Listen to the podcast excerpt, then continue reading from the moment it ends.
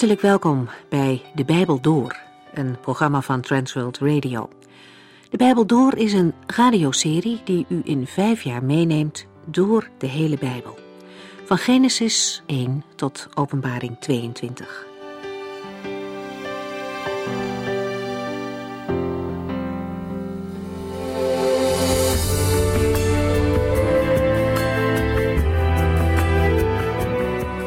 In vroegere tijden telden kinderen vaak niet mee.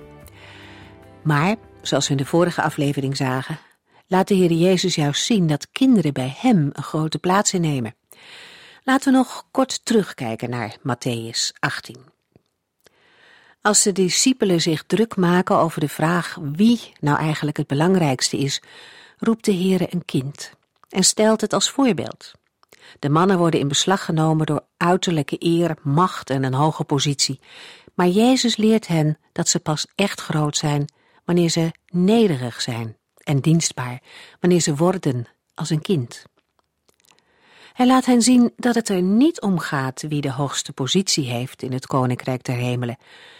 Wat het belangrijkste is, is om het koninkrijk der hemelen binnen te gaan. De Bijbel noemt dat wedergeboorte. Een mens die begint aan een nieuw leven als hij in de Heer Jezus gaat geloven. En net zoals een klein kind moet hij gaan groeien, geestelijk groeien. Het is belangrijk om ook aan kinderen over de Heer Jezus te vertellen. Hij geeft in dit gedeelte duidelijk aan hoe waardevol kinderen zijn in zijn ogen. Ook de gelijkenis van dat ene verloren schaap die hij vertelde laat zien hoeveel één enkel persoon voor de Heer Jezus betekenen. En het mag u ook op uzelf betrekken. U bent waardevol voor de Heer. En dan, met felle woorden, waarschuwt de Heer Jezus vervolgens voor verleidingen, voor alles wat de mensen van hem afhouden. Hij noemt handen en voeten en ogen als aanleiding om te zondigen en van God weg te lopen.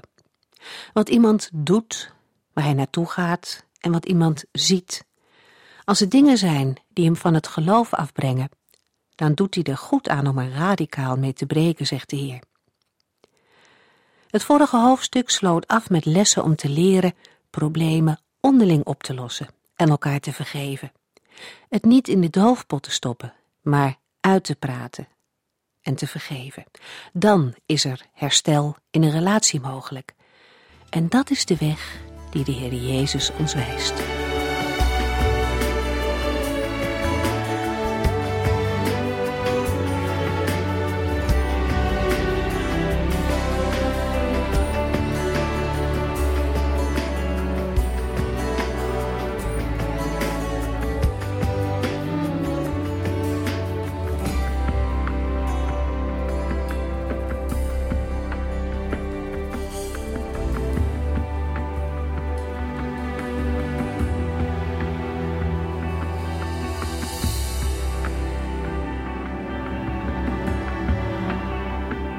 Vorige uitzending sloten we af met Matthäus 19, vers 1. Hierna vertrok Jezus uit Galilea. Hij stak de Jordaan over en kwam in Judea. In hoofdstuk 19 gaat Matthäus verder met de beschrijving van de plaatsen waar de Heer Jezus langs trekt op weg naar Jeruzalem.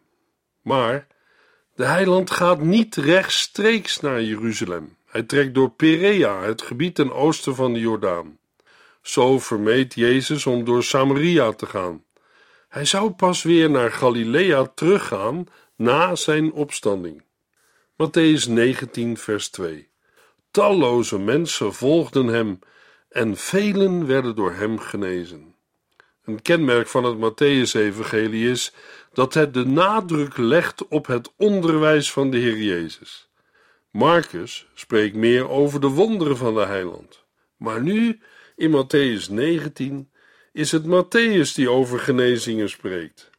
Terwijl Marcus in de parallelle plaats, Marcus 10 vers 1, de nadruk legt op het onderwijs van Jezus. Talloze mensen volgen hem en velen werden door hem genezen. Twee begrippen komen samen: talloze mensen en genezen. Indrukwekkend. De Heer Jezus genas de mensen terwijl hij onderweg was hij is bij de grens van Judea aangekomen. Matthäus 19, vers 3 tot en met 12. Er kwamen enkele fariseeën naar hem toe. Ze wilden proberen hem op zijn woorden te vangen. Mag een man zomaar van zijn vrouw scheiden? vroegen zij. Leest u de boeken van Mozes dan niet? antwoordde hij. Daar staat toch in dat God de mens heeft gemaakt als man en vrouw? Een man zal zijn vader en moeder verlaten, zich bij zijn vrouw voegen en werkelijk één met haar worden. Ze zijn niet langer twee, maar één. En geen mens mag scheiden wat God heeft samengebracht. Zij vroegen daarop: Maar waarom heeft Mozes dan gezegd dat de man van zijn vrouw mag scheiden? Als hij haar maar een brief geeft waarin staat dat ze niet langer zijn vrouw is. Omdat uw hart van steen is, antwoordde Jezus. Daarom heeft Mozes dat toegestaan. Maar het is niet Gods oorspronkelijke plan. Luister goed, ik zeg u: iemand die zijn vrouw verlaat en daarna opnieuw trouwt, pleegt overspel. Tenzij zijn eerste vrouw gemeenschap met een andere man heeft gehad. Jezus' leerlingen zeiden: Als de verhoudingen tussen man en vrouw zo liggen, kun je beter niet trouwen. Niet iedereen zal begrijpen wat ik u nu ga zeggen zei Jezus. Het is alleen voor de mensen die God het inzicht geeft. Sommige mensen kunnen niet trouwen, omdat zij nu eenmaal zo geboren zijn. Anderen kunnen niet trouwen, omdat zij door mensen ongeschikt voor het huwelijk zijn gemaakt. Weer anderen trouwen niet, omdat zij daar, ter wille van het koninkrijk van de hemelen, van afzien. Laat ieder die het begrijpt, dit aannemen. De Fariseeën kwamen naar Jezus toe om hem te verzoeken of te testen. Hier hebben we gelezen: zij wilden proberen hem op zijn woorden te vangen. De vraag waarmee ze komen was voor die tijd een actuele vraag en de meningen waren verdeeld. Door de Joden werd het huwelijk als een heilige plicht gezien, maar ondertussen werd de vrouw als bezit beschouwd en had zij geen wettelijke rechten. Over het recht om te scheiden bestond geen meningsverschil, maar wel daarover of dit om allerlei redenen kon gebeuren. De Fariseeën die hier naar Jezus toe kwamen, wilden hem een mening ontlokken die hem in moeilijkheden zou brengen. Ze kwamen met de vraag: Mag een man zomaar van zijn vrouw scheiden? Dat is vandaag ook een actuele vraag. De Heere God heeft aan de mensen dingen gegeven om van te genieten. Vaak zijn dingen waarvan je mag genieten ook gebonden aan grenzen. Bijvoorbeeld, God heeft het huwelijk gegeven als een zegen voor de mensen, gelovig of ongelovig. Maar het huwelijk is ook gegeven tot bescherming van het eigen gezin. Met alle respect voor mensen die anders denken en voelen, God schiep één man en één vrouw, opdat één man één vrouw zou hebben. Met andere woorden, de schepping van de man en de vrouw is tevens de instelling van het monogame huwelijk. Genesis 2, vers 24. Naar de oorspronkelijke instelling is het huwelijk onverbreekbaar. Maar de hardheid van het menselijke hart was de aanleiding tot het regelen van een scheidingsprocedure. Er zijn nog meer voorbeelden te geven, maar die komen een andere keer. Laten wij de vragen omtrent het huwelijk dieper gaan onderzoeken. Jezus sprak over de situatie in zijn tijd en actueel voor het volk Israël. Maar we kunnen de lijn zo doortrekken naar vandaag. Mag een man zomaar van zijn vrouw scheiden? Jezus kijkt terug naar het eerste begin, de schepping van man en vrouw, Gods ideale huwelijk. De wet van Mozes had op een brede basis een scheiding toegestaan. Wanneer een vrouw haar man totaal niet bevalt en er is volgens hem iets schandelijks op haar aan te merken, mag hij een brief schrijven waarin hij verklaart dat hij van haar scheidt. Hij geeft haar die brief en mag haar dan wegsturen. Deuteronomium 24, vers 1. Voor wat de wet van Mozes betreft, was een scheiding niet zo slecht als het huwen met een vreemdeling. Bijvoorbeeld wanneer een dochter van een priester in Israël een vreemdeling trouwde, werd ze uit het volk verstoten. Maar in de loop van de tijd verloor de wet van Mozes haar betekenis. De hardheid van het menselijke hart vond de meest vage gronden waarop echtscheiding werd verleend en toegekend, zoals het aanbranden van het eten en het verbranden van brood. Maar echtscheiding is niet Gods oorspronkelijke plan. Scheidingen zijn een gevolg van de zonde. Wat men ook kan zeggen van een scheiding, altijd is een zonde betrokken bij de oorzaak. Jezus geeft het aan in zijn antwoord aan de Fariseeën. Waarom heeft Mozes de echtscheiding toegestaan? Opdat uw hart van steen is. Het huwelijk is de sterkste en innigste vriendschapsband tussen een man en een vrouw. Een vriendschap waar de liefde op alle terreinen, zowel geestelijk als lichamelijk, heerst. En uiteindelijk is het de seksuele liefdesdaad waardoor man en vrouw tot één vlees worden. 1 Korinthe 6, vers 16. Het is het moment waarop God een man en een vrouw samenvoegt. Het is de bezegeling van de nieuwe relatie en gold niet alleen voor Adam en Eva, maar voor elk huwelijk. Er is niets mee te vergelijken. Daar komt nog bij dat het huwelijk als beeld wordt gebruikt om de onderlinge betrekking tussen Christus en zijn gemeente, zijn kerk, aan te duiden. Vanwege de hardheid van het menselijke hart heeft de Heere God de scheiding toegestaan. God is genadig voor ons mensen. Laten we er dankbaar voor zijn. Maar het is niet Gods oorspronkelijke plan. Wij moeten onderkennen dat we in een losbandige cultuur leven. Wij zijn allemaal zondaars. Maar er is een genadige God. Hij kan zelfs moordenaars vergeving schenken. Denk aan de moordenaar aan het kruis. Hij kan ook veroorzakers van echtscheidingen vergeven.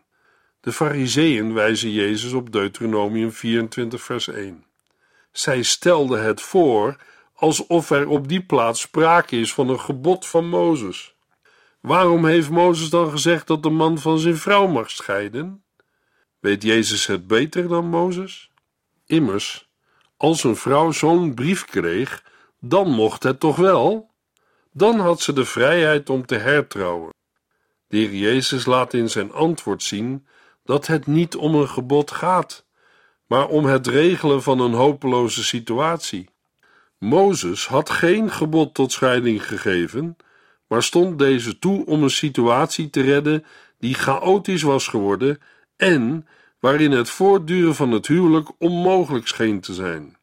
Er is dus sprake van een concessie. In het begin bestond er geen echtscheiding en ook geen polygamie. De eerste die polygamie bedreef was Lamech uit het geslacht van Kain, Genesis 4, vers 19. In latere tijd was het volk zo ver afgedwaald van de oorspronkelijke bedoeling dat de wet niet meer kon worden gehoorzaamd. Het gevaar bestond dat de man zijn vrouw mishandelde of zelfs probeerde te doden om zo van haar af te zijn. In dat geval was het ondanks alles toch beter om te scheiden.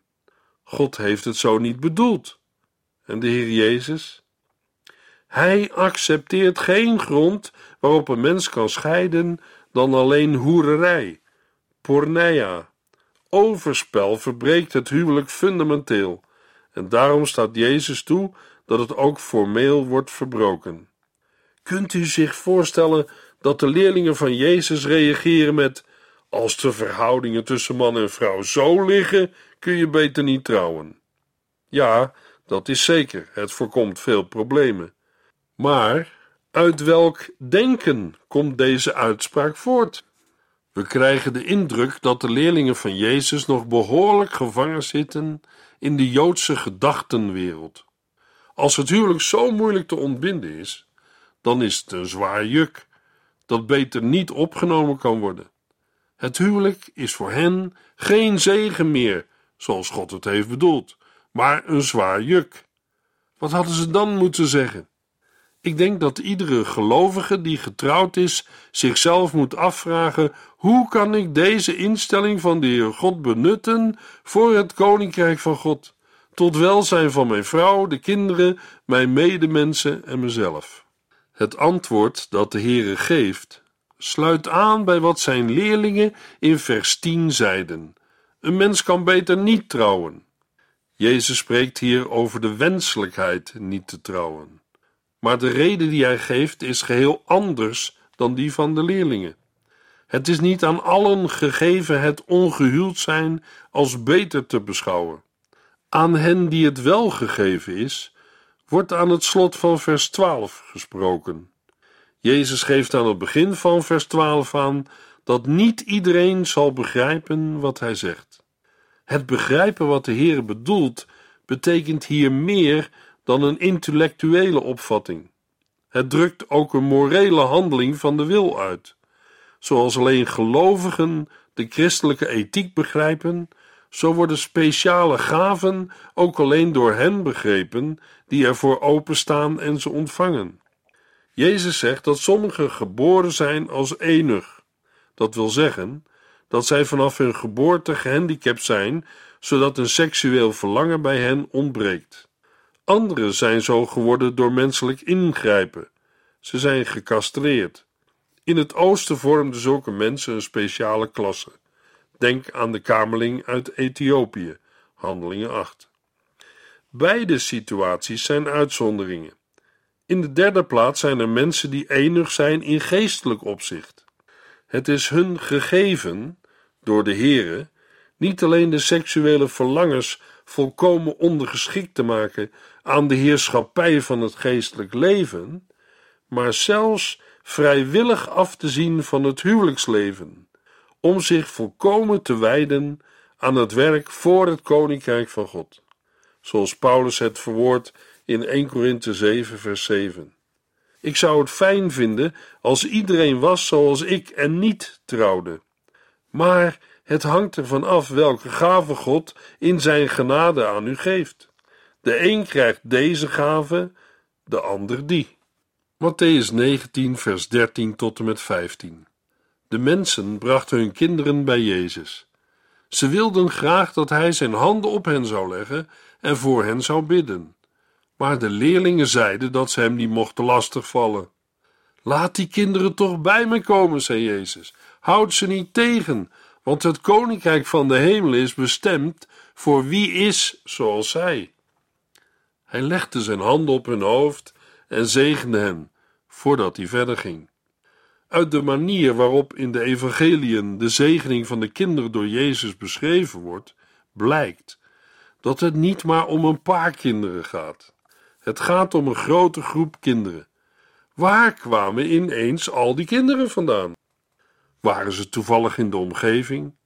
Is er een concrete aanleiding? Het laatste is het geval. We zullen die aanleiding voor ogen moeten houden om de geschiedenis te kunnen begrijpen. In de tijd van het Nieuwe Testament was er in Israël één bepaalde avond waarop alle ouders met hun kinderen op pad gingen. Dat weten we uit verschillende geschriften uit die tijd die bewaard zijn gebleven.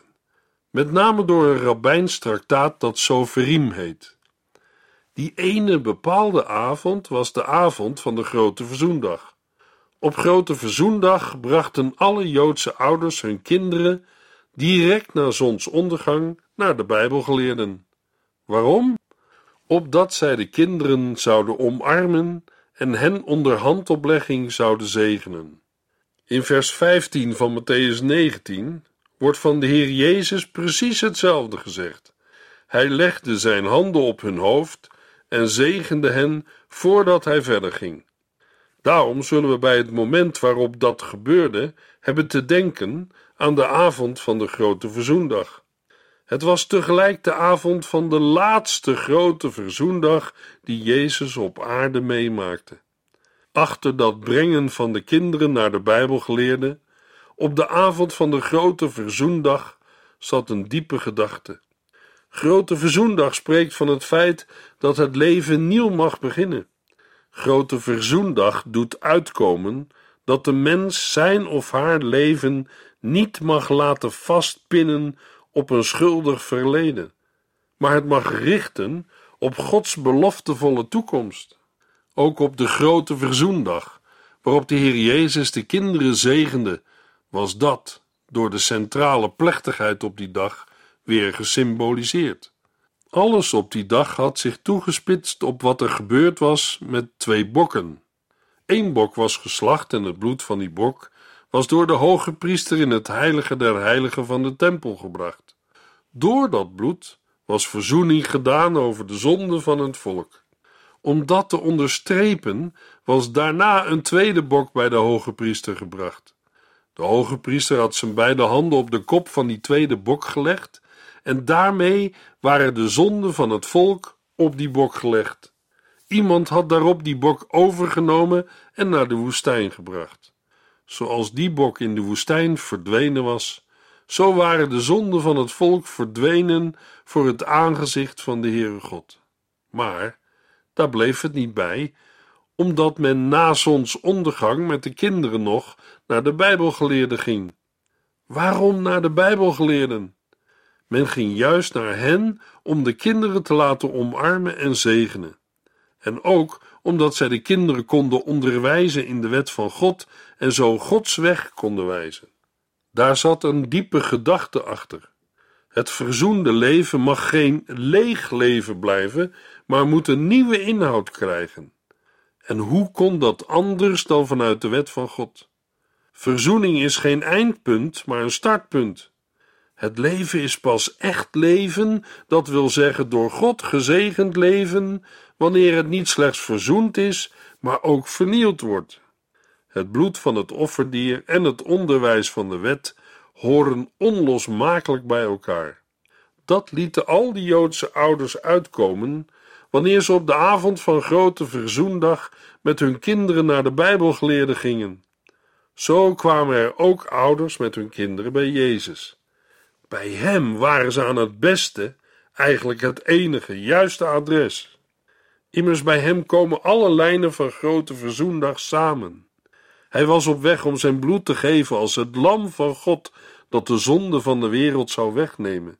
Hij was ook in de wereld gekomen om het verzoenende leven ten volle inhoud te geven, door de wil van God in de volle breedte en diepte te doen verstaan. Tot op vandaag wordt het geheim van grote verzoendag alleen echt begrepen en gekend in de ontmoeting met Jezus. Tot op vandaag wordt alleen bij Jezus het leven als verzoend en vernieuwd leven echt leven. Hoe ging het toen de ouders met hun kinderen bij Jezus kwamen? Misschien tot onze verrassing lazen we dat de discipelen de ouders met hun kinderen wegsturen. Een vergelijking met de parallelplaatsen in Lucas en Marcus laat zien dat de leerlingen van Jezus zich er boos over maakten. Ze bestraften de ouders. Ze vonden het maar niets dat de ouders met hun kinderen naar Jezus kwamen. Op die avond zochten overal in het land mensen met kinderen Bijbelgeleerden op, naar de gewoonte van die dagen. Zo kwamen er ook ouders met kinderen tot Jezus. Ook hij was een Bijbelgeleerde, een rabbi. Maar voor de discipelen was Jezus voor alles de koning. Hij was op weg naar de troon van David in Jeruzalem. Naar hun gedachten zou binnenkort het grote moment aanbreken dat Jezus de vijanden uit het land zou verdrijven, de oude luister voor Israël zou herstellen en zichzelf op de troon van David zou zetten. Daardoor zouden zij zelf ook sleutelposities krijgen. Misschien was het dat wel wat hen nog het meeste bezighield. Vooraf aan de kinderzegening zagen we al dat de leerlingen van Jezus onderling ruzie maakten wie van hen wel de meeste was en de belangrijkste positie zou ontvangen. Het is begrijpelijk dat de discipelen die met deze gedachten vervuld waren, het maar niets vonden dat ouders met hun kinderen bij Jezus kwamen om die kinderen door Jezus te laten omarmen en zegenen. Als Jezus werkelijk wat wilde, moest hij zich door kleine kinderen niet laten ophouden. Er waren genoeg Bijbelgeleerden in het land die kinderen konden omarmen en zegenen. Als hij zich nu met kleine kinderen inliet, dan was er morgen wel weer iets anders dat zijn aandacht vroeg. Zo zou hij nooit op de troon in Jeruzalem komen. Vandaar dat zij de ouders die met hun kinderen naar Jezus kwamen, bestraften en terugstuurden. Toen Jezus dat zag, werd hij verschrikkelijk boos. Dat lezen we in Marcus 10, vers 14. In onze vertaling staat: Hij nam hun dat kwalijk. Maar dat is vanuit het Grieks te netjes vertaald. Het Griekse woord spreekt van een grote woede. We kunnen het weergeven met furieus worden. Er staat dus: toen Jezus dat zag, werd hij furieus. Het is opmerkelijk dat dit heel sterke woord voor boos worden in het Nieuwe Testament maar één keer gebruikt wordt met betrekking tot Jezus. Die ene keer is in de geschiedenis van de zegening van de kinderen. Die ene keer dat Jezus furieus werd, was niet toen hij zich verzette tegen de Bijbelgeleerden. Die ene keer was zelfs niet toen hij de handelaars de tempel uitjoeg. Die ene keer was toen hij op de avond van zijn laatste grote verzoendag op aarde teleurgesteld werd in de houding van zijn discipelen. Zonder twijfel meenden de discipelen zelf dat ze het goed bedoelden en met Jezus het beste voor hadden. Toch liepen ze, ondanks hun goede bedoelingen, Jezus verschrikkelijk voor de voeten en begrepen ze van wat Jezus wilde zo goed als niets. Jezus was op weg naar Jeruzalem, maar niet om zich daar op de troon van David te zetten, zoals de discipelen meenden. Hij was op weg naar Jeruzalem om daar aan het kruis van Golgotha te sterven. Een kruis zou zijn troon zijn, zoals al eerder een kribbe zijn wieg was. Wie werkelijk volgeling van Jezus wil zijn, zal iets van deze weg van Jezus moeten begrijpen. Het is onmogelijk Jezus werkelijk te volgen en eigen grootheidswaan te blijven koesteren. Wanneer voor de discipelen het enige belangrijke punt de vraag zou blijven wie van hen de meeste was, versperden ze niet alleen voor anderen, maar ook voor zichzelf de toegang tot Jezus. En dat geldt voor vandaag nog steeds. Matthäus 19, vers 14 en 15. Laat die kinderen toch bij me komen, zei Jezus. Houd ze niet tegen, want het koninkrijk van de hemel is bestemd voor wie is zoals zij. Hij legde zijn handen op hun hoofd en zegende hen voordat hij verder ging. En hoe het verder ging, horen we in de volgende uitzending.